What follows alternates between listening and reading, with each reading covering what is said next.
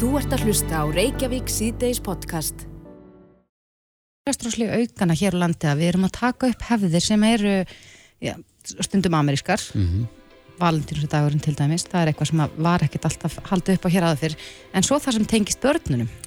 Já, og við heyrum það svona þegar við bara spjöllum okkar að milli og, og við aðra fólk er ekki alveg klárt að því sko, hvaða reglur gilda mm -hmm. er ykkur óskara reglur átildin þess að koma með gjafir í e, allar þessa veislur?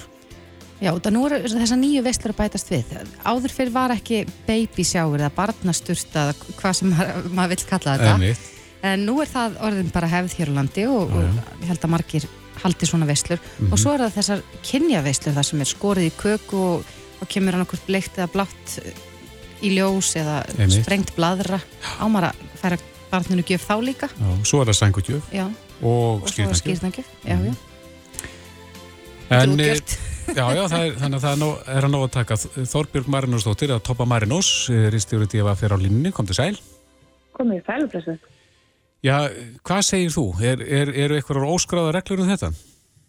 Já, já, svo er það líka bara skráðar. Þetta er bara orðið svolítið klipt og skorið sko, ef þú ef þú vilt vera almennilegur þá er þetta orðið bara svona það eru vissar mættingar í gangi, klárlega þegar verður að halda svona veislur og um, ef við tökum bara til dæmis þess að, að geta eitthvað barnasturstu baby shower sem er mjög vinsæl. Mm -hmm. að þá, og þetta er, og þetta er fyrst mikið ykkur, nú er eina sem er sko fimmara og eina sem er rúmlega einsás og, og þetta var mér, þess að þetta var komið óvart með svona steipibóði í bæðiskiptin og þetta verður vinstallega með hverju árinu og svo sem ekki að undra þegar sko farin að hérna kjaga á síðustu metrónum og búin að markvæmta þinglína töluvert og, og getur kannski ekki stunda leikuð með sama kappi og, og sopnar honni kvöldmatinn klukkan átt á kvöldir og svona, þá er þetta vissulega kærkominn tilbytting, alveg klárlega mm -hmm. og það er svona ef maður hugsa fyrir kannski konið sem mig sem er almennt mjög félagslega virk og stundar mikið líkamsrætt og er svona mikið út um allt, það er þetta viss svona félagslega einangur sem kemur með sérstaklega fólk, að konur verða kannski lasnar á meðgöngunni, eru meira heima mikið þreytar, grinda, glöðnun alls konar sem kemur upp, þá getur þetta verið andlaða mjög erfitt að vera kannski svona mikið heimallinu mm -hmm og jafnvelega erfitt með að sitta vinnu, sitta allan daginn og sinna vinnu og svona. Svo náttúrulega bara byrðir eftir barninu, gott fólk, hún er oft, oft svona síðustu vikunar ansi erfið og getur farið í skapið á manni. Og þá eru svona búið, sko, og jújú, jú, við þekkjum þetta alltaf ekki verið að taka upp þessu amerísku hefðir og þetta, þetta týskast ekki hér, en það fyrir aldrei úr tísku að gera vel við fólkið sitt og koma þeim sem manni finnst væntum og óvast. Þannig að ég tek allir svona fagnandi, en að því sögðu, þá má líka alveg aðeins svona gýra niður væntingarnar. Þetta þarf ekki að vera þannig að það sé helst sko séu smjör, hérna, smjörkremsklessur upp um alla skápa og öllu vingunum í viku og undan þetta kosti mór fjár og það sé búið að skreita allt hátt og látt og, og liggja á Pinterest og samfélagsmiðlum uh, sko þannig að þetta sé bara eitthvað svona algjörlega óraunhæft. Þetta snýst um sko góða vini eða vinkunur Veist, hérna, góða köku og einhverja smá gafir. Þetta fara ekkert að vera með droslegt, þetta snýst um samverðstundina. Mm -hmm. En erum við að tala um gafir í öllum tilfellum? Kynjakaffinu, barnasturtunni? Ekki, sko, það er annarkvort. Ef það er svona kynjakaffi, þá er nú yfirleitt þannig að fóröldrarnir bjóða. Þá er þeir bara með kaffibóð og þá er ekkert verið að koma með, með hérna, gafir. Mm -hmm. En í svona steipibóð þá kemur með gafir. Það er svona verið að, hérna... Út af það gengur það? það gengur út á húsið komin á steipirinn og þau eru andlega mm -hmm. En það hefur nú líka kannski aðeins fæst í aukana að færa móðurinn ekki upp. Já, og það var mjög frækt í frend fyrir löngu þegar hún var kassólegt og vinkunum heldur fyrir hennar partí. Þá gáður henni að með minni vodkaflösku og leðubuksur þegar hún komst ekki inn hennar buksur og hún átt að fara í leðubuksunar og drekka vodkaflöskuna þá hún var í frjáls og lausa allra mála. Uh -huh. þannig að það er stundu verið svona eins og ég gaf vinkunum minni kampaðslu sko að hengja snuðum um hálsin, þú veist, gefa nutt eða eitthvað. Oft uh, helga fer með vinkunum eitthvað svona tengt því, þú veist að, konun fáið smá tíma fyrir sjálfans eftir að batnið er fætt og ekki það að við séum alltaf svo æstar að komast frá batninu, alls ekki en, en svona, þú veist að eiga eitthvað fyrir stig. En mér hefur fundist að þessu sögðu að Íslandikar eiga það til að við viljum alltaf vera svo grand og það er ekkert gaman, þú veist, maður á marga vinkunur og oft er að halda eitthvað svona búið að vera kannski komin á það stað að maður getur ekki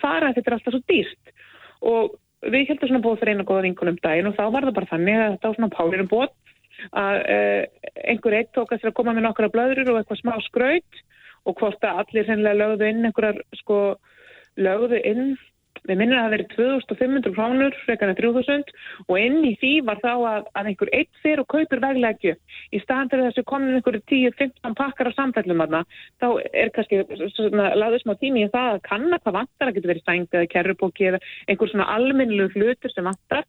Og leggja allir inn smá pening og þá bara keift vegleg gjöf frá hópnum og það getur verið líka eitthvað fyrir konuna og svo er eitthvað nokkru þúsi kallast eftir að kaupa blöður og einhverju skreitingar mm -hmm. og svo koma bara allir með eitthvað á borði þá er þetta ekkert flókið, þá er þetta bara pálinu búið með alls skemmtilegu veitingum og svo er eitthvað svona ein vegleg gjöf frá hópnum. Þetta þarf ekki vera mikið meira. Aðalmálið er að þetta koma óvart að við komum til haldi að hann sé bara að fara í í, í kaffebóð hjá mammi svona pappa og þá er allar vinkonarnar og byrta smjörkremi og jarðaberum og, og, og blöðurum og þetta sé svolítið svona tannig, þetta sé svona óvænt ánæg frekar þess að þetta meira búður sko í samverðustundina sjálfa og hún koma óvart heldur en að eða einhverjum mörgum dögum í að skreita.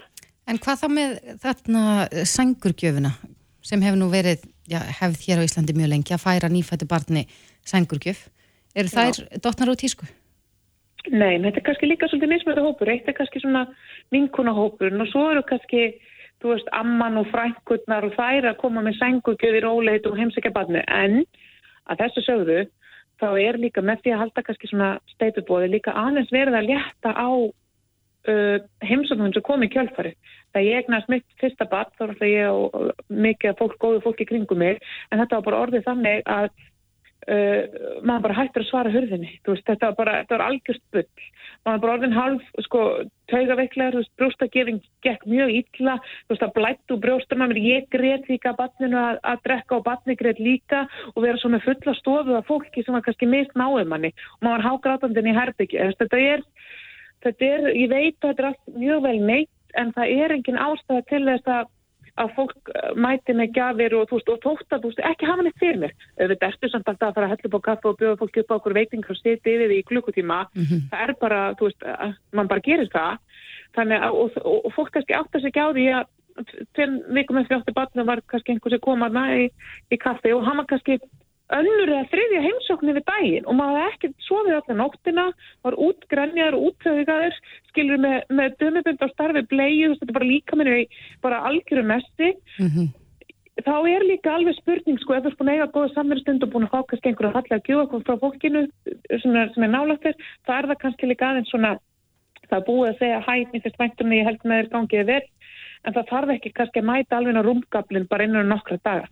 Ma, maður þarf alveg að mikið á því að halda og jafnvel meira að fá góðan vina, vinguna eða frængu í heimsók nokkrum vikum eða tveim-þreim mánum eftir að batnið er, er fætt og svona allt er komið í ró og brjóstakjöfing gengur vel og það komin einhver rútina að því ég minna lítil börn þau bara svo að vakna þegar hendar og þau eru ofta svo til 11-12 daginn að þau búið að gefa við nóttina og, og þú veist Þannig að ég er svona, ég er mjög hrifin að ég býða bara að þess að sængugjafir og heimsóknir og það kemur bara setna, maður þarf bara svona mömmu sína, hérna, mömmu sína og kannski sýsti sína að sýta alltaf námist að fyrstu vikurnar en ég held, ég, ég er hrifin að steipi bóðum og mér finnst svona hitt með bara komað alltaf í róliheitum. Svo náttúrulega er þetta mjög personubundi, ég er náttúrulega bara að tal, tala um sjálfa mig og það er algjörð, sem er alls ekki.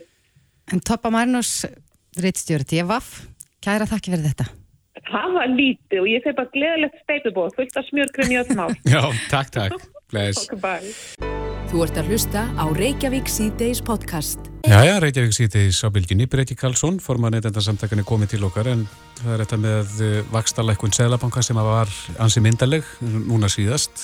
Þeir lækkuðu vextum 0,75% stig og, og nú eru stýrivextinir 1%. Það var aldrei verið lagri en uh, það viðskiptabankunni láta svolítið býða eftir sér. Mm -hmm. Við lásum á vísi í dag að, að, að, að það er ekkit búið að gerast í bankunum og er þið með þessi mál til skoðunar breyki?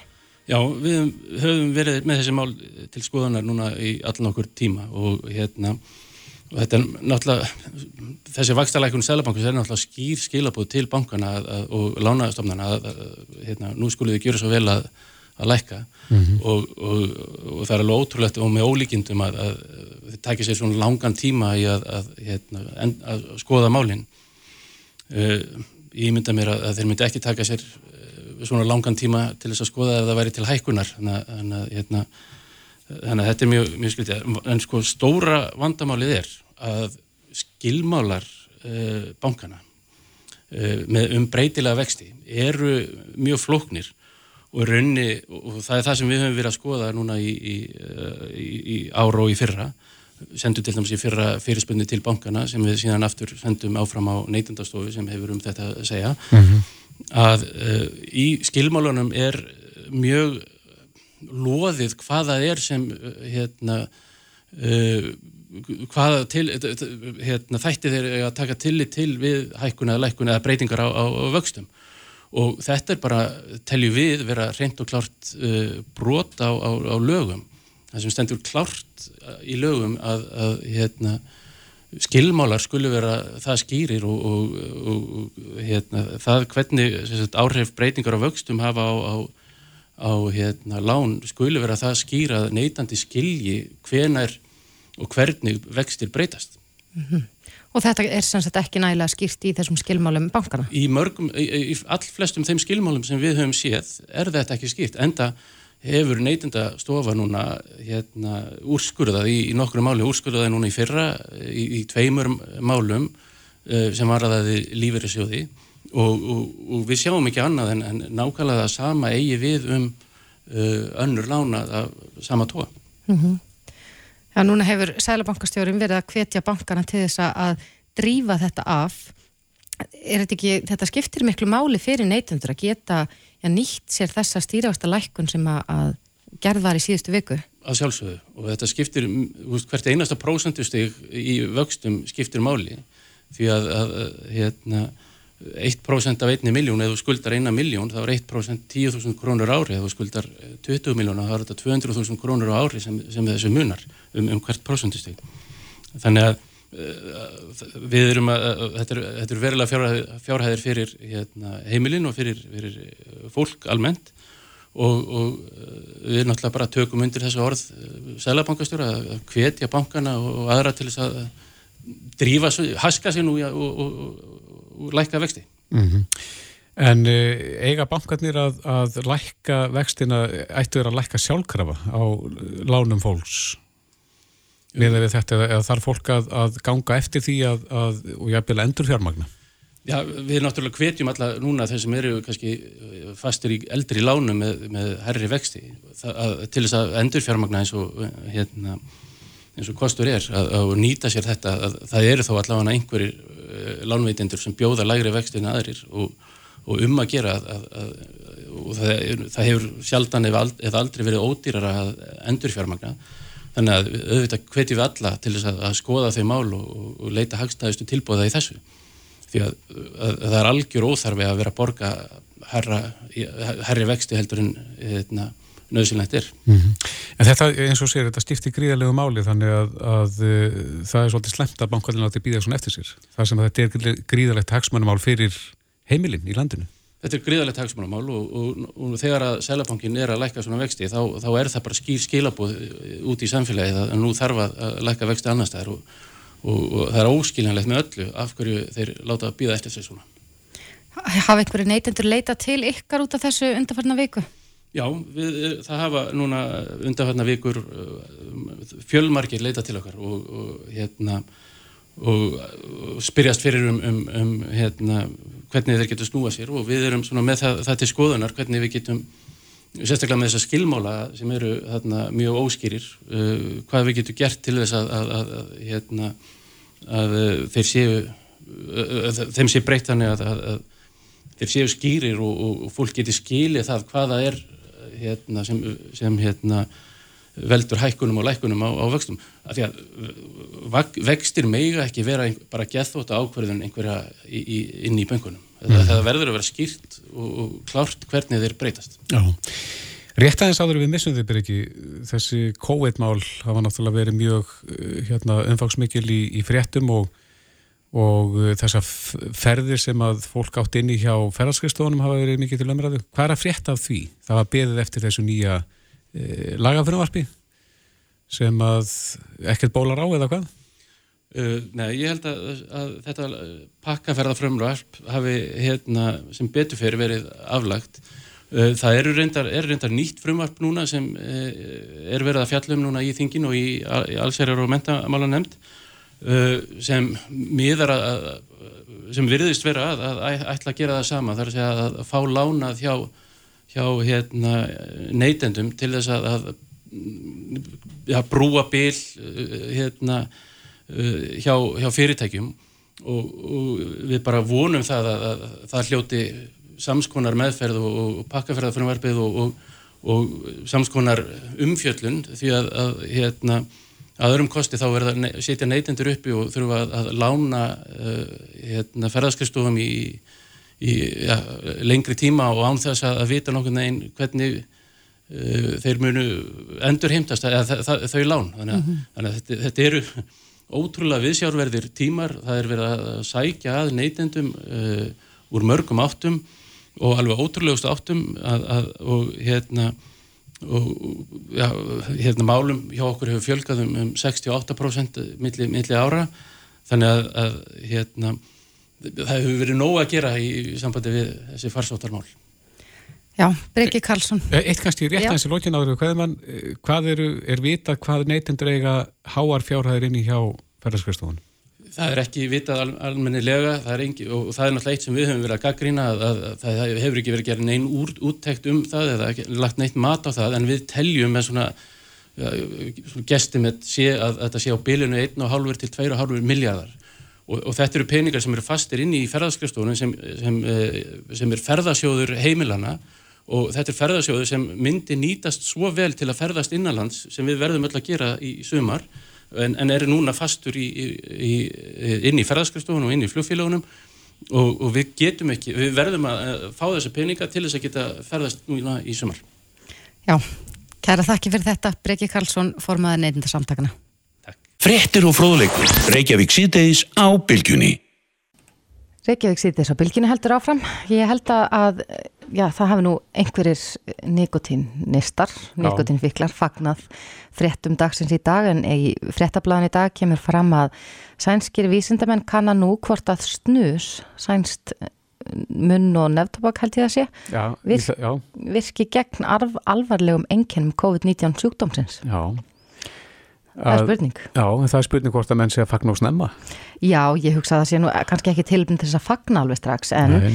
það er allavega að vera að rannsaka það, hvort að þetta geti, geti haft, já, góð áhrif. Já, það segir einnig þessari frétti fréttablaðinu að eftir að ljós koma mjög látt hlutvall sjúklinga á spítala í París væru reyningafólk ákvað franst vísendateimi að rannsaka hvort nikotín kemur veg fyrir að veiran geti fjölga sér í einstaklingum sem að greinst hafa með veiruna. Mm -hmm. Ég veldi einu svona fyrir mig hvers vegna ætlaði þessi að einblýna bara á snus en ekki aðrar tegundur af nikotín Í Svíþjóð? Já, það er náttúrulega, bara, já, það er náttúrulega sænst Já, akkurat En uh, Tómas Guðbjörnsson, hjarta á Lúnaskurlagnir hefur nú lengi talað um uh, hættuna við að reykja mm -hmm. að segja, og því var haldið fram hérna í upphafi farandusins að reytingafólk væri útsettara. Akkurat. Eh, Tómas er á linni, sæl. Já, sæl. sæl. Já, hvernig eh, leggjast þess að fréttir í þig? Já, svona, ég veist ég ákvæmt að sé að vera að velta öllum steinum og rannsaka það. Ég er svona sett uh, enn stór spurningamerki við hérna svona að þetta verði endalega niðurst það en þetta er það að vísa til uh, rannsóknar í Paris og skjöllingu þar. Mm -hmm. og, og uh, þeir hafa síðan í framhaldinu tala við svíja og, og þá hafa maður rannsaka hvernig þetta hefur komið út í svíþjóð hjá sjúklingur sem hafa þá nýtt snus vegna þess að þeir eiga gagnagrunna með neyslu snus meðal fólks og getur þá farið í sína gagnabanka og kannast mm -hmm hvernig þeim sjúklingum farnast með aðra.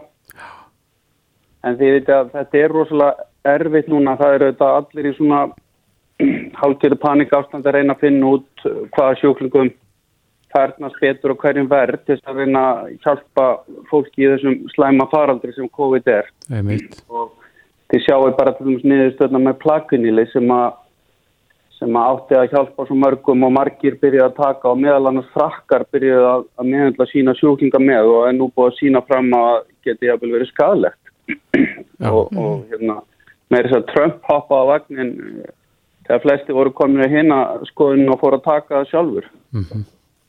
og, og hérna þannig að það er rosalega margt í þessu sem er ennþá erfitt að meta og, og til dæmis voru rannsóknir í Kína sem að síndu að, hugsanlega geti tíðin verið eitthvað læri hjá vissu reykingafólki svo voru aðra rannsóknir sem bendur til þess að það veri herri og, og rannsóknir í bandaríkjónum svona í að því að það veri verið útkoma hjá þeim sem að vera að veipa. Þannig að þú veist það, það er bara mjög margt sem þarf að skoða svona og, og, og í róliheitum Akkurat, en ef í ljós kemur að, að þetta getur einst rétt að nikotín hafi einhvers konar ja, áhrif á, á þennan sjúkdóm, væri þá líklegt að ja, nikotín er þið gefið í plástrum eða einhvers konar formi til sjúklinga? Já, þeir eru byrjar að prófa þetta í París að gefa sjúklingu þar svona í rannsónaskinni nikotínplástra og, og hérna það verður bara komið ljós hvað kemur út úr því en, en Nikotín er náttúrulega alls ekki eitthvað drauma efni sko, eitthvað sem að fólk ætti að forðast og er skjálfilegt að ánýttast. Því að flestir ánýttast í fyrir lífstíð og, og sumir geta hennilega ekki hrist þetta af sér og, og, og vera allum sáðir síkaretum eða, eða veipi. Mm -hmm. Er, er nikotín skadlegt uh, fyrir utan hversu auðvöld er ánýttast því? Eða hefur það eitthvað skadlega áhrif? Það er ekki, það er ekki náttúrulega krabba með svo eldandi svo sann að sé en það hefur náttúrulega óæskilega áhrif á hjarta aðeins. Það hækkar blóðfesting og púls og það eru, það eru til rannsóknir á, á, á fóstrum og svona sem að sína skadlega áhrif sem að mæður nýta tóbaks á meðgöngu. Þannig að þetta er alveg klárlega ekki efni sem að, að svona maður getur mætt með alveg óháð COVID en, mm.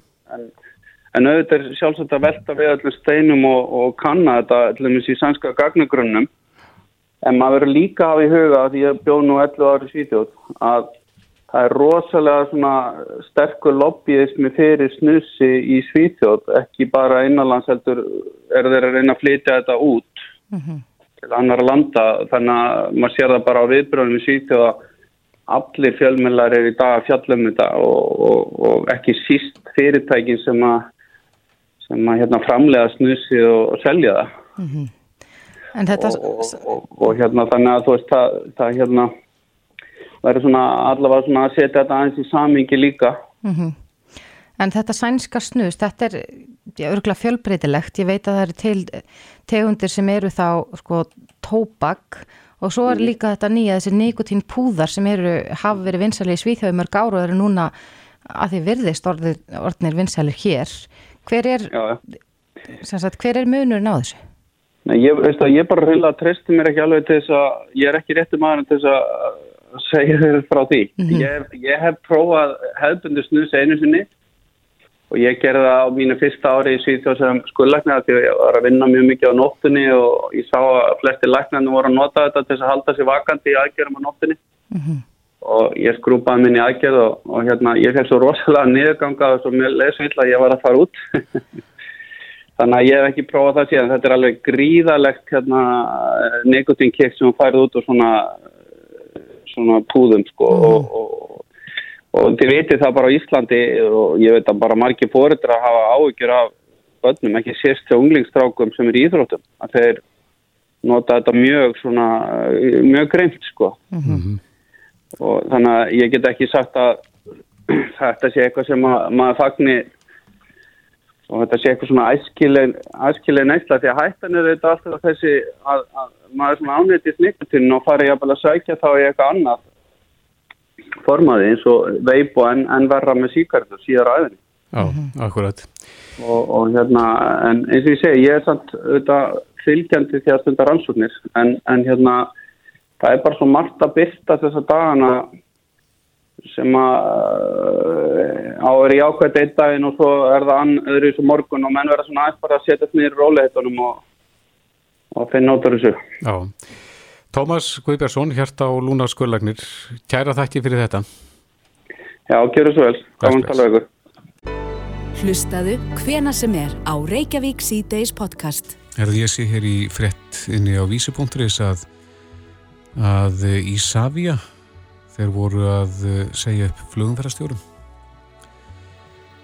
og það segir hérna fréttin að engar eiginlega viðræðar átti þessi staða með Ísafja e, og félags íslenskar flugumferðarstjóra áður en greipi var til uppsagna 100 flugumförastjóra í dag sögn formans félagsins en Ísafja hafi ekki svara tilbúði félagsins um breytingar á launalið kjærasamlingan þannig að þeim var bara öllum sagt upp Öllum?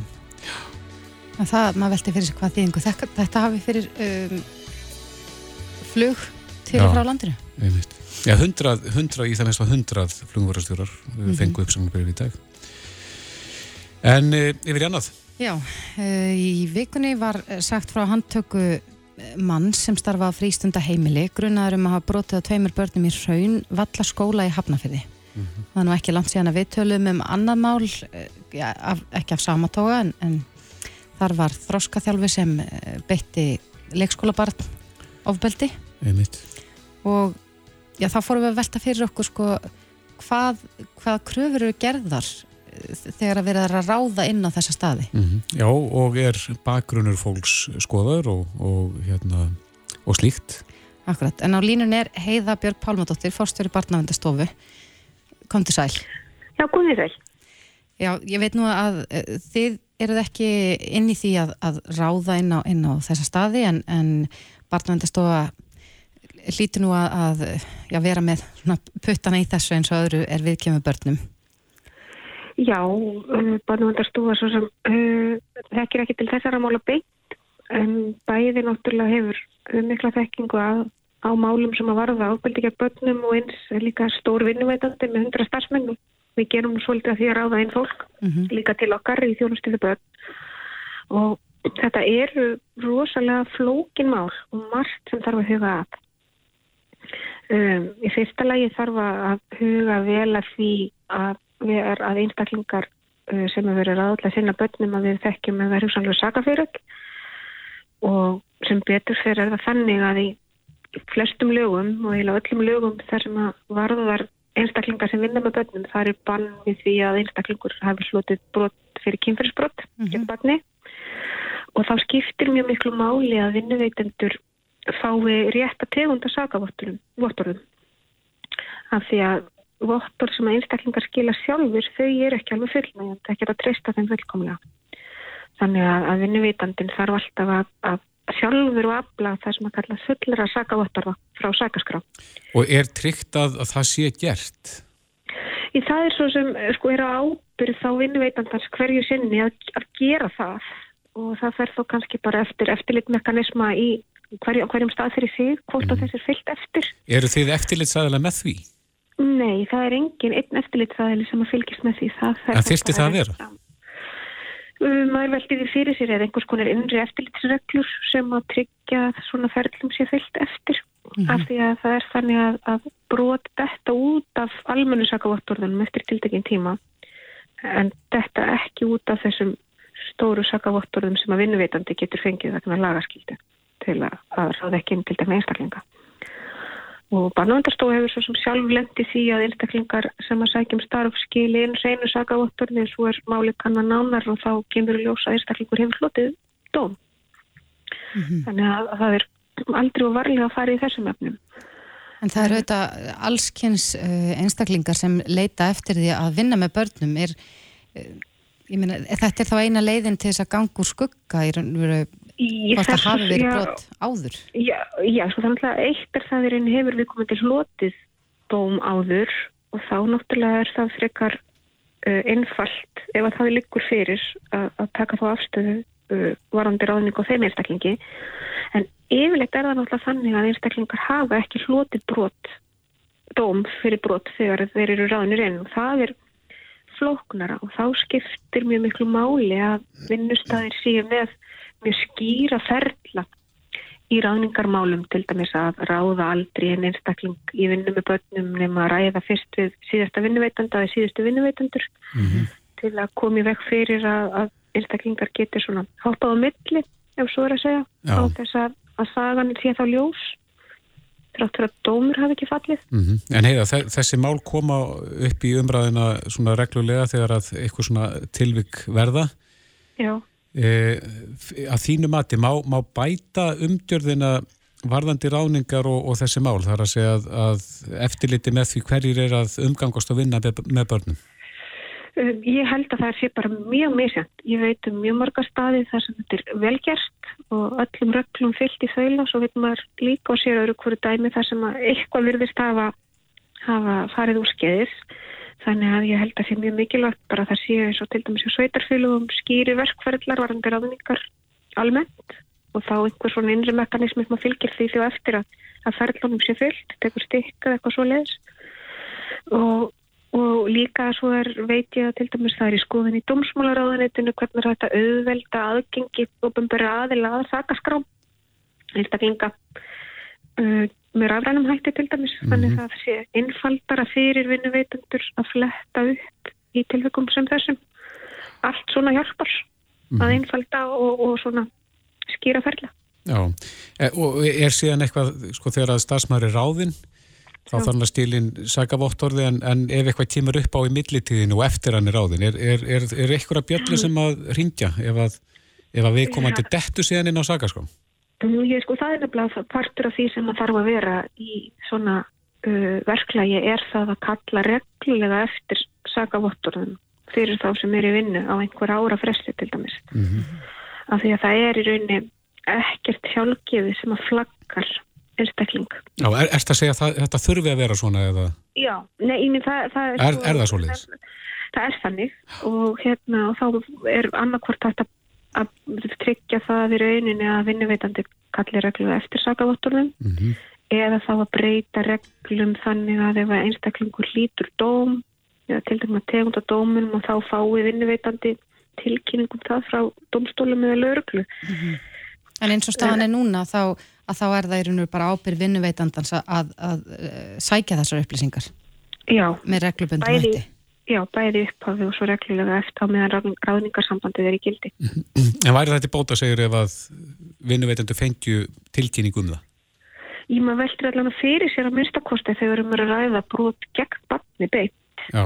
Að vinnuveitandi fái þá upplýsingar um það uh, hvort að þurfi líka skerpa á upplýsingagjöfum millir lögreglu og barnavendar yfirvalda lögreglu og vinnuveitanda þegar að lögreglu er að rannsaka það brot gegn barni hvort mm -hmm. það er kynferðisóbildið eða líkamlættóbildið eða hvaðna að, að það sé einhver mekanismi sem að kikki inn til að koma í vekk fyrir að, að mál falli svona millir stafs og breyki Já, Heiða Björg Pálmadóttir, fórstjóri Barnavendastofu, kæra þakki fyrir þetta.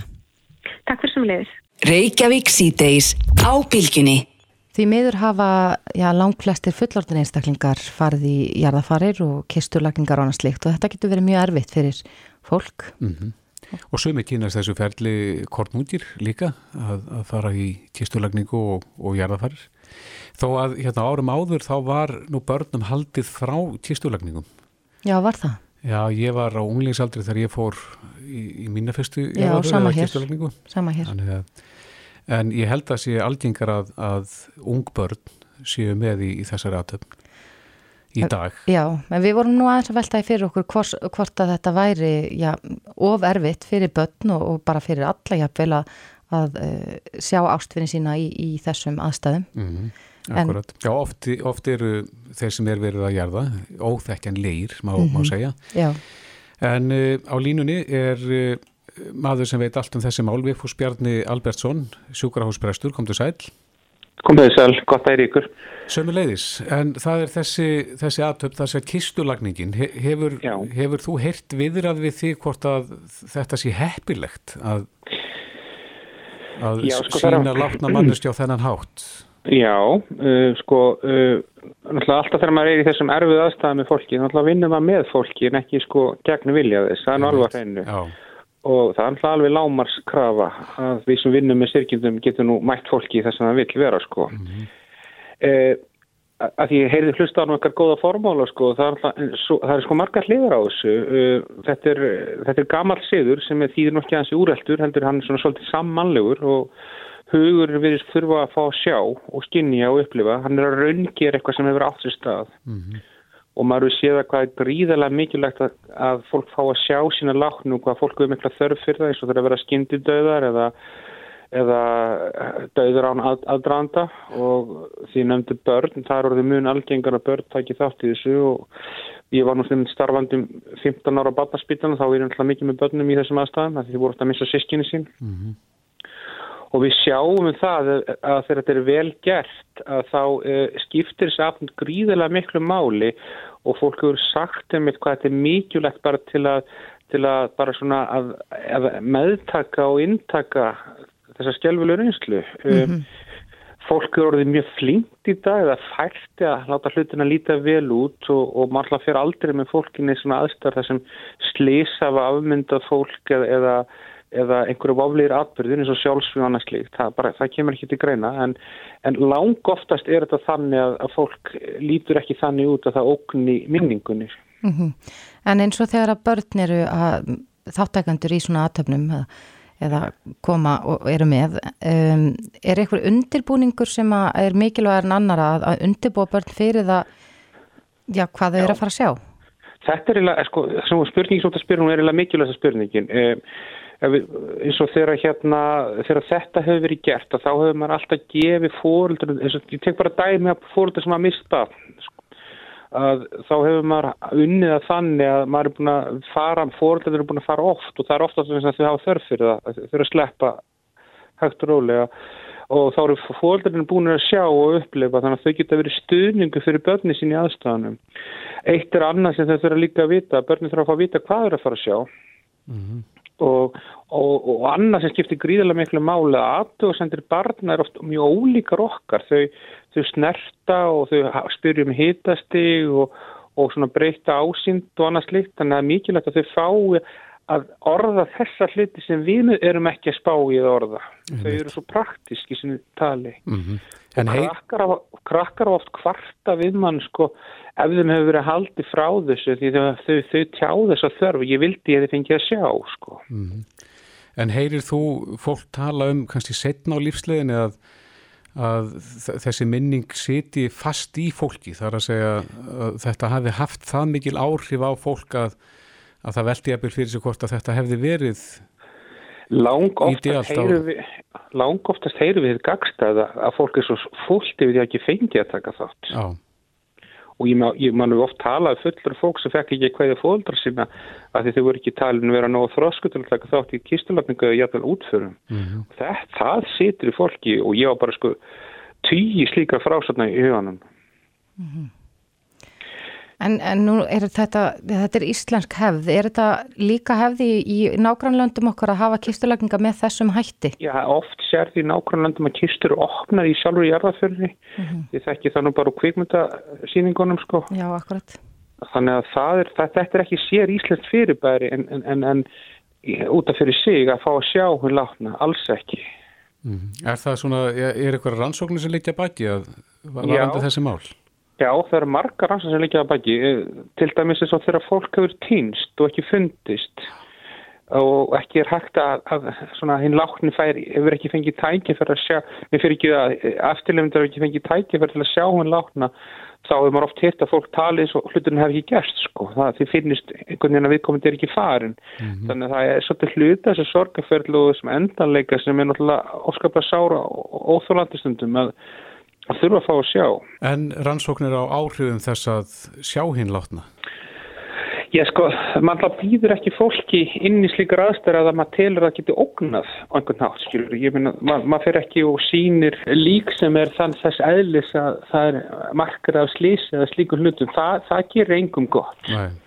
Og í þann aðstæðan hefur þetta hafa sendum aðstæðandu til að býða mann maður fást nefta hendin hjá viðkomandi, sko, að það er kannski heiligasti heiligasti hlutin, sko, er að hendin nú kannski næst persónus í staðurinn og líka mann, sko. Mm -hmm.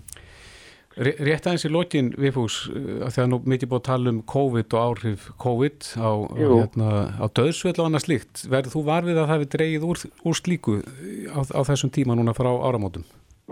Já, sko... Eru færri jarðafarir sem að þú sinnir núna já, sko, heldur? Ég var nú að, þú, þú ringtir í mig áðan, þá var ég að klára jarðafær sem múin að býða frá því byrjun april. Mm -hmm. Það var óskaplega erfitt fyrir fólk. Við erum, við erum í þessu núna að fólk er að klára hluti sem eru búin að býða í 2-3 mánuði. Mm -hmm. Og hvað áhrif hefur það að, að fá ekki þennan endanleika kannski sem að fylgir þessum atöfnum fyrir en sent og síðan mér? Ég er fólk kvartar yfir því ég, um, og það er mjög auðvilt að setja sér í þau spór. Já, eru margir sem býða grefturinnar vegna ástandins? Ég kann ekki töluna en, en, en ég með, sjálfur með tvær aðtatnar þessa vikuna sem hafa byðið lengi. Þannig að fólku frekar vilja býða heldur en að, að jarða fyrir tómi. Þá búið þessi stað kistulagning og líkbrænsla og Já. svo ásist stað aðtöfnuna tveimur mánum setna. Já, akkurat. Ég held að maður getur nú sett sér þau spór, það er nú svona svo halv óþálandi. Vifús Bjarni Albersson, sjúkrahús prestur, kæra þætti fyrir þetta. Já, takk fyrir erfiða spurningar. Bless, bless. Já, bless. Reykjavík síðdeis á Bilginni podcast. Já, úr þessu fallega treysi tjappmannlægi yfir í grínið og bíómyndirnar. Já, og enga smá bíómynd. Enga smá bíómynd. Eina íslenska perlu, Stellu í Orlofi, sem verður endur frumsýnd. Vitið þið hvað ár þessa mynd var frumsýnd? Það er 86. Hárétt. Já, ég hefði skotið 87. Já, já, en já, árið 1986 já, var hún frumsýnd. En á línunni er Etta Björgvinsdóttir, hinn eina sanna Stella. Komdu sæl. Já, hæ, komið sæl, sæl veriði. Herru, hvað segð okkur, hvað er að gerast? Er, er verið að fara endur frumsýna myndina í betri gæðum? Já, sko, það, það, e, e, e, það er nýlega búið að vinna hana aftur, þannig að, og ég raunni búið að endur frumsýnana í betri gæðum einu sinni, bioparadís og nú að endur taka þetta á aðeins stærri skala mm -hmm. í, í, í sambjónum, en ég veist að þið viti nú meira um það allt sem hann heldur í ég vegna þegar ég var bara að frétta þetta núna nýlega. Já, en hvernig hefur varað leika í þessari mynd? Núna, sko ég er fætt ára 1987 en þetta er samt mynd sem ég elst upp við að horfa á þó hún hafi vissulega komið út á þenni fæðist. Er, það er nefnilega, það er svo mikið af foreldrum sem að hafa platta börnunum sínu fyrir framann sjómarpið til þess að horfa á upphólsmyndina sína vegna þess að hún einhvern veginn fór bara inn í hjörtu fólks þessi mynd strax. Mm -hmm. Það var mhm. mjög makalust sko og og þa þar lifir hún og verður svona fjölskyldum meðlumur af því að, að því að börn síðan alast upp við að horfa á þetta með maðurum og, og feðurum sínum og sískinum og þar með er maður komið með rosalega stóra fjölskyldu við öll sem að tókum þátt í þessari mynd sko mm -hmm. Já en e, veistu hvernig myndin hefur verið endur unnin? Sko það er bara miklu, miklu betri hljóðgæði, e, e, skarpari myndgæði, e, það, er, það er bara það, er tæknilega svo rosalega e, flott. Já, majónesan gulari? Majónesan er alveg svolítið kvangur. en er þetta taland um sko majónesuna? Já.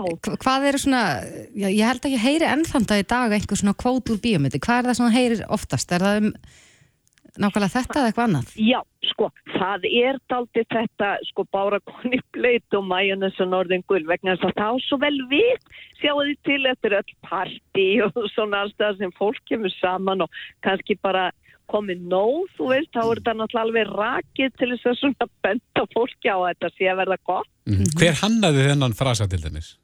Sko, Duna skrifaði allt handritið, Guðni Halldórsdóttir. Já. Já, já, já. Þannig að hún á þessa setningu. Já, hún og allar setningarna sko til dæmis setningi sem ég nota oftast úr stelu og er mín uppáhaldsetning þar er, sko, hvað er velkomin fyrir stella? Vegna þess að ég er alltaf með svona fjóra, fimm og upp í sex töskur og póka með mér hvert sem ég fer, Já. ég var að kemst ykkur neginn ekki að með minna og yfirleitt er einn til tvær tíndar þannig að þetta á alltaf þetta við á hverjum degi í lífi mín og það er einhvern veginn svo miklu léttara. Þetta er svona eins og að taka húmor á harminn þið vitið að miklu léttara að vera svona mikið burðabýr og týna alltaf öllu ef að maður segir þetta með þessu setningu. Það er fólk til liðsvissi að það... finna til dæmis veskin og törskurnar sem ég týna alltaf. Já, þannig að þú, þú grýpur í frasana sjálf svona í bara daglegu lífi? Þennan, alltaf Þenn, sko. En ekki með báruna? í, uh, Nei, svona, ég heyri það meira, sko, en mm -hmm. það er kannski vegna þess að mín kynslu er, er, er, er so, svolítið þannig að draga út jamminu. það er meira eins og við komum okkur saman um stelpuna mína í sömaklubna, það er meira, við erum hittnar að dagdrykja núna, sko. það, það kemur með aldrei lengi áfram, sko, já. já. Herðu, Og svo er, svo er enda líka mikið spurt út í hver áðunan sumabústað. Já, em, hver, hver á það sömrúta já eða nei? Ég heyri þetta og mér finnst það, sko, þetta, eh, þið trúið ekki hvað mér finnst þetta meiri og meiri gjöf með hverju árinu að bara hafa bori gæfu til að eh, fá að vera með í þessari mynd vegna þess að hún er búin að, að eins og ég segi, færa mér svo mikla gleði í gegnum fólk sem að ég bara egnast og sendi manni hlýju, húmor og kærleik í gegnum einmitt væntum þykja á þessari mynd. Þetta, þetta er mjög einstakt að það, það er ekki nema kannski tvær, þrjár myndir sem að hafa lifað svona í hjörtum þjóðurinn sem eru svona gamlar og hafa elst svona ofbóðslega vel. Eh, og það er svo, þetta er svo ótrúlega gaman og verður meira og meira gaman að eiga þetta, eiga þess, þessa, þennan gemstein sko. Já, þetta verður allavega, við fáum að sjá hana í bíó, þeir sem hafa Já. áhuga, bara frá Já. með held ég 11. 12. júni, hún er verður það frumsýnd 12. júni Eitthvað og er í smára bíó, við bara hlökkum til að fara. Edda. Björgustóttir, kæra Já. þakki fyrir þetta. Takk innilega, bless, bless. Þetta er Reykjavík síðdeis podcast. Já, það er svona frekar grámiglulegt að fara í gegnum miðbær Reykjavíkur en, en uh, það er samt alveg augljóst að, eh, bærin er að lífna við aftur eftir, eftir COVID uh, æfintýrið allt. Þó hún sé ekki farin helvítis veiran fyrir ekki blótsyrðið en uh, við erum hér á dekki. Uh, við hliðin á Guldborginni sem liggur hér við festar og fer ekki tíðan. Þótt stutt síði sjómanadaginn en, en Sigmar Vilhjánsson uh, veitingamaður landstektur er, er hér í óða önn að, að að hvenna verður farið á sjó? Já, ég vona að við förum nú aldrei á sjó en, en við sjóin erum við eins og segir réttilega hérna við hliðin á Guldborginni uh, við förum bara á staðum leið og í rauninu öll leiði fást til þess að opna aftur. Og þá er ég að tala um bara öll rekstrarleifi og vimmyndingarleifi sem fylgja opnun á svona veitingastöðum eins og, eins og Bryggjan Brugghús var og verður Þú nefnur hérna land, mennum þykir þú brattur eh, núna á síðust og vestu eins og maður segir. Já, já, það má alveg færa rauk fyrir því að, að maður sé brattur en samt ekki sko, og veist, þetta er ábúrslega fallegu staður. Uh, auðvitað fór illa fyrir honum og, og það má kenna ymsu um í því og ekki síður síst sko þessu, þessari COVID-veru. Uh, en, en það er líka synd að horfa á svona eigni standa auðar og hérna aðstæðan hér er öll hinn besta. Og, og þegar við gengum hér um gólfa þá, þá, þá var þessi engin tími til þess að standa í þessu núna að þá var þetta samt þannig að þetta þurfti bara að gerast. Og hérna og að sjá bryggjuna hér fyrir framann og út í svæðið allt saman að það er það bara verður að glæða þetta lífi. Og það sem fyrst. Hér í, nýra Reykj, við Reykjavíkur höfn hefur, hefur mannlífið litast af, af veitingahúsum með, af öllum gerðum og, og, og, og starðum getur við sagt, er, eru menn að gera klárt núna? Er, er, svona, er, er hlaupin einhver smá bjart síni eftir þennan drungalega tíma? Já, já, ég held að það sé og hérna auðvitað náttúrulega kannski breytist eðli og sérstaklega kannski þessar svæðis, þessar miðsbæðarsvæðis. Þetta var auðvitað orðin svolítið svona, ferðarmennir voru svolítið búin að taka yfir miðbæðin okkar og það engjandi svolítið í veitingarekstrinu líka. Verðlag var orðið mjög hátt hérna í 101 og hérna og svona Íslendingar hættir að gera sér eins kannski oft ferð og, og áður út að borða hér. Þannig að ég held að einhverju leiti munum við sjá bara ákveðnar endurbætur á því aðeins aðra hugsun.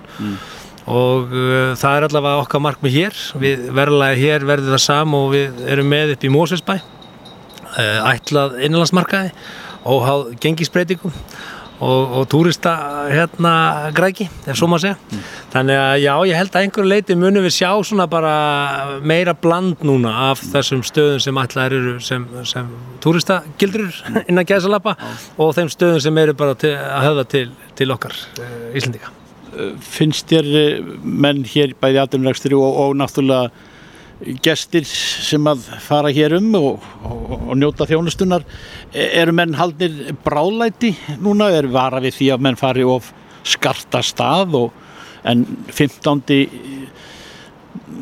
næstkomandi er, er það ekki svona opnunardagur á ímislegt? Jú, jú, og, og í rauninni gerist það nú líka bara á, á mánudagin að, að þegar þú ert komið með samkomu hérna, myndun upp á 200 manns þá dugar það nú flestum veitingastöðum. Mm. og svo þetta er tveggja metra reglan valkvæð og, og, og þetta er missið koma leiði með fari í því. En, en ég held svona almennt síðan menn að, að svona, brúninin er að liftast á mönnu með þetta. Uh, þetta eiga, eiga menn ekki kannski vona á eins miklu svona hvað segja, ferðamanna skoti eðlilega ekki og einhverju leiti munu Íslendinga verða sjálfum sér nægir en, en ég held að það fyll ekki alveg öll skörð en ég held að þeir sem hafa verið að gera veitingarekstu vel þeir munu lifa áfram góðu lífi og það er nú bara þannig sem er margt annað að þegar gullgrafara æði grýpur um sig í hinnum ymsu stjættum að þá auðvitað koma sumir sem að hafa minni þekking og reynslu og metnað en aðrir og, og þeir kannski voru fyrir til að fallur og heldast úr lestinni sko. Mm. Finnur þú fyrir gu- gullgrafara í geninu? Nei, veistu það, ég, svona þér að segja, ég, ég er vissulega framkvæmda gladur en ég hef alltaf drifist áhrifam af, af hugmyndinni og, og verkefninu, frekar en endilega kannski að það fylgi því einhver peningur auður, ég hef ekki verið elda það. Hérna, við erum að opna hérna innan, innan hús mínigólvöll í skútuvóginum og það er bara gammalt barströymur í mér að gera það. Og ég hef trú á því að það sé skemmtilegt verkefni, það er skemmtilegt verkefni. Og ég hef trú á því að fólk muni finnast það skemmtilegt. Og ég er meira drifin af því, það dregur mig meira áfram að hafa gaman af því sem ég er að gera. Mm. því að þá er maður aldrei í vinnunni, þá er maður alltaf að leika. Og uh, veröldin, þar að segja frá þínum sjónaróli hér í gamla bænum og, og niður Reykjavík hún- er eilítið öðruvísi eftir COVID. Er, ertu, ég heyri það á mönnum hér, hér um slóður, það verður ekki allt eins og það var. Nei, nei, það er alveg ljóst og ég held að menn átti sig á því að það mun taka okkur einhver tíma að byggja ferðarþjónustuna fullu á ný og það er ekki þess að við séum ekki tilbúin, það er meira held ég bara, ég held að fólk sé ferða feimnara frá öðrum löndum sko, að, að fara yfir höfuð og, og e, það mun taka okkur einhver tíma og við getum sjálfur sér ekkert gert annað en bara reynda að vera tilbúin þegar ströymurinn kemur. Að einhverju leiti segi ég líka að, að við getum líka nota tækifærið í ferðarþjónustunni og í veitingarekstunum eins og fólk gerði heima á sér í COVID. Við þurfum kannski bara að sinna smá viðhaldi núna og innviða uppbyggingu og tiltækt og gera okkur tilbúin í næsta, næsta megaskot sem að kemur. E, það er bara spurningin hvenar hmm. Simar Viljánsson, kæra þakkir fyrir bóði hér nýra á Bryggju. Dagurinn er grár en, en e, e, e, bjart yfir ykkur hér. Já, það er bjart í hörtum.